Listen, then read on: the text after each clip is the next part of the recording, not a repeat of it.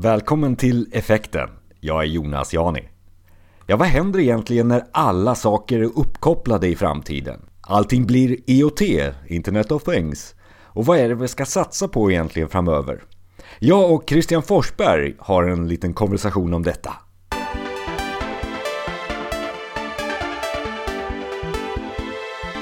Jag tänkte på dina tankar runt säkerhet och IoT. Ja, alltså det är ju ett jätteproblem. Alltså om det, var, om det är problem med appar och, och, och webbar så är det ju tio resor värre med IoT. Det, det är inget snack om. Um, det finns även då många av de här protokollen som liksom inte ens har tänkt på det. Uh, så att, så det, det, kommer bli mycket sånt. Alltså redan idag är det ju så att de moln, vi har ju till, ofta dosattacker Eh, och nästan alla, vi har ju rotat i det där då så mycket man nu orkar, men nästan alla de här molnen som byggs upp, sådana här bottmolnen då, det är ju det är ju i, alltså uppkopplade saker, mycket sådana här övervakningskameror och sånt som de tar över då och sen så blir de slavar i någon attack då.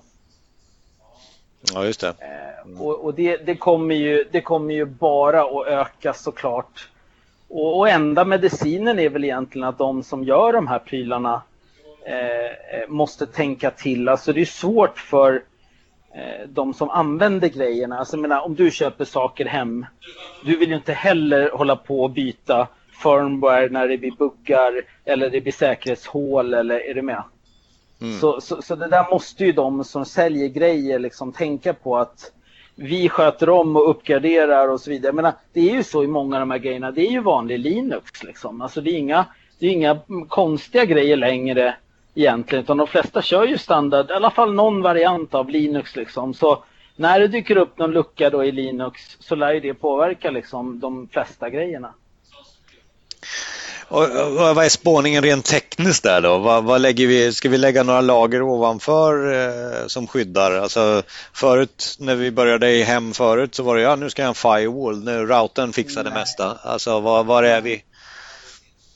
Nej, det är precis som med, med telefoner. Alltså våra brandväggar i våra företag som vi har är ju mer eller mindre värdelösa numera. Alltså, det mesta av den viktigaste informationen ligger ju ute på din telefon i din mail. Är du med? Eller ja. i någon, någon annan eh, liksom, applikation. Så att det är där ute skyddet måste finnas. Det måste vara ute i Edge. Liksom. Att, eh, brandväggarna är mera, skulle jag säga, Eh, de gör mer skada idag därför att de ger folk alltså framförallt IT-säkerhetschefer och sådär, de ger dem en falsk känsla av att de har säkrat upp. Liksom.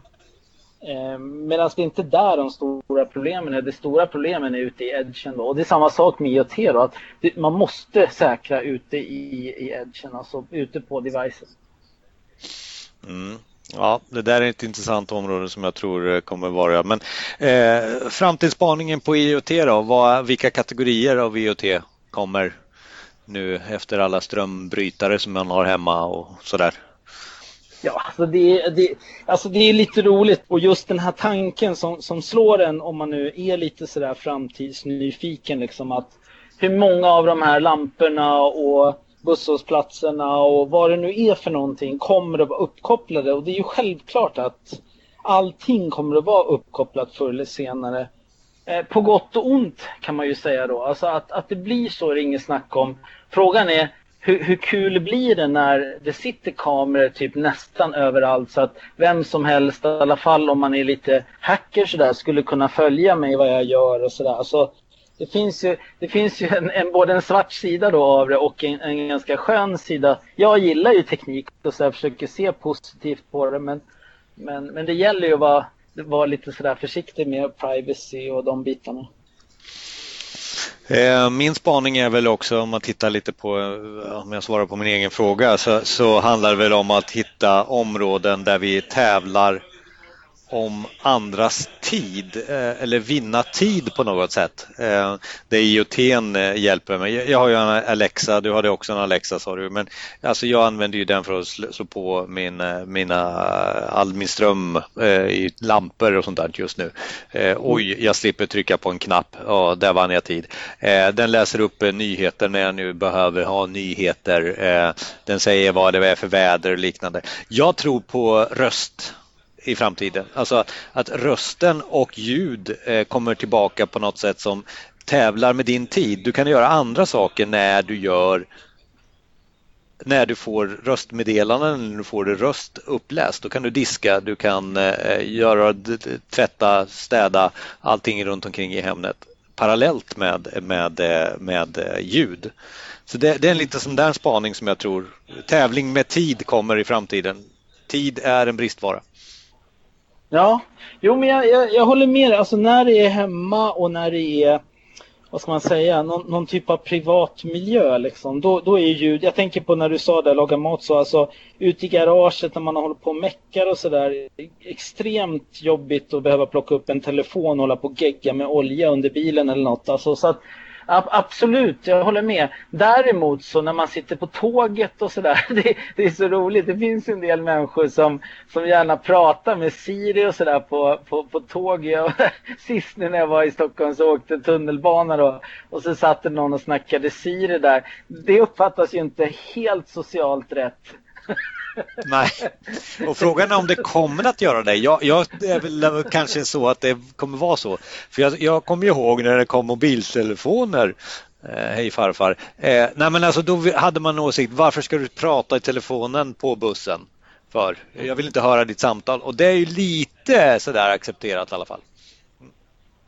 Ja, men eh, precis. Nej, men jag tror inte heller att man liksom kommer att prata med Alexa på, på tunnelbanan och sådär. Men, men det finns ju många ställen. Jag tänker på bilen är ju ett, ett klassiskt, alltså, eh, jag vet inte om det var eh, vem som nämnde det nyligen, men alltså när du sitter och helst då ska hålla händerna på ratten och sådär och titta ut över vindrutan. Att då prata, vilket man ofta gör med medpassagerare och så vidare, där är ju rösten klockren tycker jag. Mm, ja, det är intressant. Så det, jag tror biltillverkarna ska verkligen fundera på det. Jag är faktiskt lite förvånad över att de inte har sett mer liksom, användningsfall där. Det kanske de har, men, men det är inte mycket man har sett. Eh, för, för, jag skulle gärna eh, köra röst i bilen. Så. Jag fick faktiskt, du nämnde eh, Alexa där, jag köpte ju en sån här eh, Google Home också. Jag tycker det är så tråkigt av Google att man inte har satt någon sån där namn på den så att man måste säga liksom hej Google. Det känns så, jag vet inte, extremt branding-geggigt liksom på något sätt. Men eh, i alla fall, jag fick dem att prata med varandra i oändlighet. Jag såg någon video så var jag tvungen att göra det själv då. Eh, till, till eh, vad heter det, lycka för min son då som tyckte det var extremt roligt att se dem tjata. Ja, det är ju ett måste. Eh, och hela communityn, Alexa-communityn blev ju helt galna när de hade ändrat. Så de har tre ord nu. Man kan säga Echo, Alexa och det senaste som kom här nu för någon firmware uppgradering, Computer. Och alla bara wow, jag kan säga computer. Ja. Computer? Ja, det måste du okay. ha. Det, det, finns något djupt ner i någon inställning där så kan man nu välja computer. Då känner du ju som att alla dina eh, science fiction-filmer som du hade när du växte upp, liksom, de blir ju tillfredsställda nu när du kan säga computer till Alexa. Liksom. Mm. Det, det, är grymt bra. Det, man kan ju lära Alexa saker då, så det är ju liksom en öppen plattform. så. Men en Alexa-skill då som kunde svara på de viktigaste frågorna, som kunde svara på hur gick resultatet och jämfört med budget för förra kvartalet och så vidare.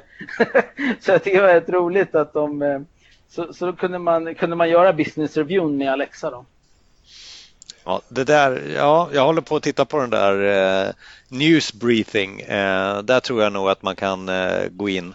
News briefing i Alexa är ju den jag tror de flesta använder sig utav. Där man kan, det är ett makro, så när man säger eh, Alexa News så börjar den ju läsa utifrån ett makro olika tjänsters nyhetsförmedling. Till exempel jag har BBC och jag har CNET efter varandra som en, någon typ av spellista. Där tror jag nog att man kan bryta sig in och skapa eh, kanske en egen då för företaget, eh, egen sån skill som går in i den där newsbriefing. Jaha. Mm. Det är så, det är framtidens pressreleaser då som man hackar Ja, ja, eller att man gör in, att man lägger någon intern där också. Ehm, ja, precis, det kan vara någon hacking där också. Ehm, ja, det, det är intressant. Ehm, jag tycker helt klart att Amazon ligger lite före just nu på, på den här Alltså Alexa-delen, speciellt nu när de släppte Alexa egentligen fritt som jag uppfattar det, licensierat är det väl säkert till, till andra eh, tillverkare. Det gör ju att det kommer bara explodera framåt.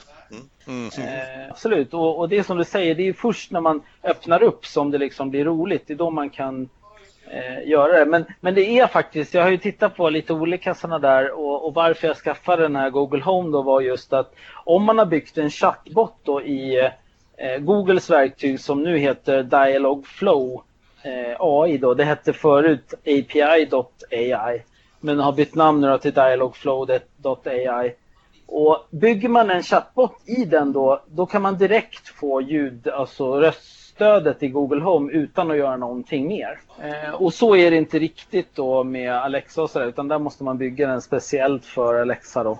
Det där är lite för och nackdelar med utvecklingsdelarna, det kan jag förstå. Men eh, vad händer när Apple då? Jag tycker att de verkar vara sena med sin den där HomePod.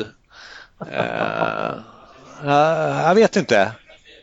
Kommer de lyckas? Jo, men alltså, men om man tittar på det, många säger sådär, det, det finns ingen innovation på Apple längre och sådär. Och, och, och, det är ju så alltid då att, att det är populärt liksom, att det svänger ganska mycket liksom, åsikter och sådär. Apple har ju, om man tittar på vad de har gjort, de har ju aldrig varit egentligen sådär jättecutting edge. Då. Jag menar, iPhonen då som, som har liksom framstått efteråt som en revolutionerande produkt. Liksom. Alltså, det var ju inte mycket nytt i den liksom. Visst, de slipade till gränssnittet och, och sådär. Men, men eh, jag menar, hur många år innan hade de försökt själva med Newton till exempel och alla andra handdatorer. Då? Så jag vet inte, de, de, de är alltid rätt sega.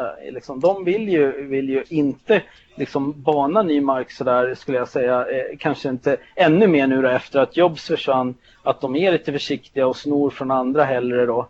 Men, men risken är ju att de, alltså jag vet inte om jag har hört talas om någon som har ens tänkt köpa deras, liksom, eh, den här, eh, vad heter den, HomePod. Nej, men sen är det ju som du säger, vi tar iPhone där som du nämnde. Alltså, där lyckades man ju att kombinera och skapa wow-faktorn Ja. Eh, och det är väl liksom den som avgör. Och det, visst kan man använda all den här datan men det är ju wow-faktorn som kanske gör att man helt plötsligt ja. väljer. Eh, det här Volvo On Call, eller vad heter den tjänsten som Volvo hade? Eh, den blir ju inte stor förrän de fixade så att man kunde starta igång eh, värme eh, till, till motorn. Eh, alltså, det är den där lilla, lilla saken som gör att det blir en, en stor affärsmässig succé. Mm. Ja, jo, men jag, jag, och, och, det roliga är ju att, att hitta de där eh, skulle jag säga då, alltså man tar även iPhonen och, och, och, många av de här produkterna så är det ju så, precis som vi själva också lider av skulle jag känna väldigt mycket att allting kommer liksom inifrån. Alltså det sitter en massa folk internt, kanske med lite marknadsundersökningar och sådär men fortfarande så skapar man på något sätt internt och sen så gör man en produkt och så släpper man ut den. Liksom. Jag skulle vilja se mycket, mycket mer eh, itererande ute på marknaden med riktiga människor och att man gör det mer interaktivt. Liksom. Att inte lägga i år liksom, på att bygga någonting utan ut med någonting snabbt eh, och se liksom, om det funkar. För då tror jag man hittar de här wowarna snabbare. Eh, användartesterna är viktiga, gärna någon utanför Sno någon på gatan liksom. Är det här en bra idé? ja, det är bra.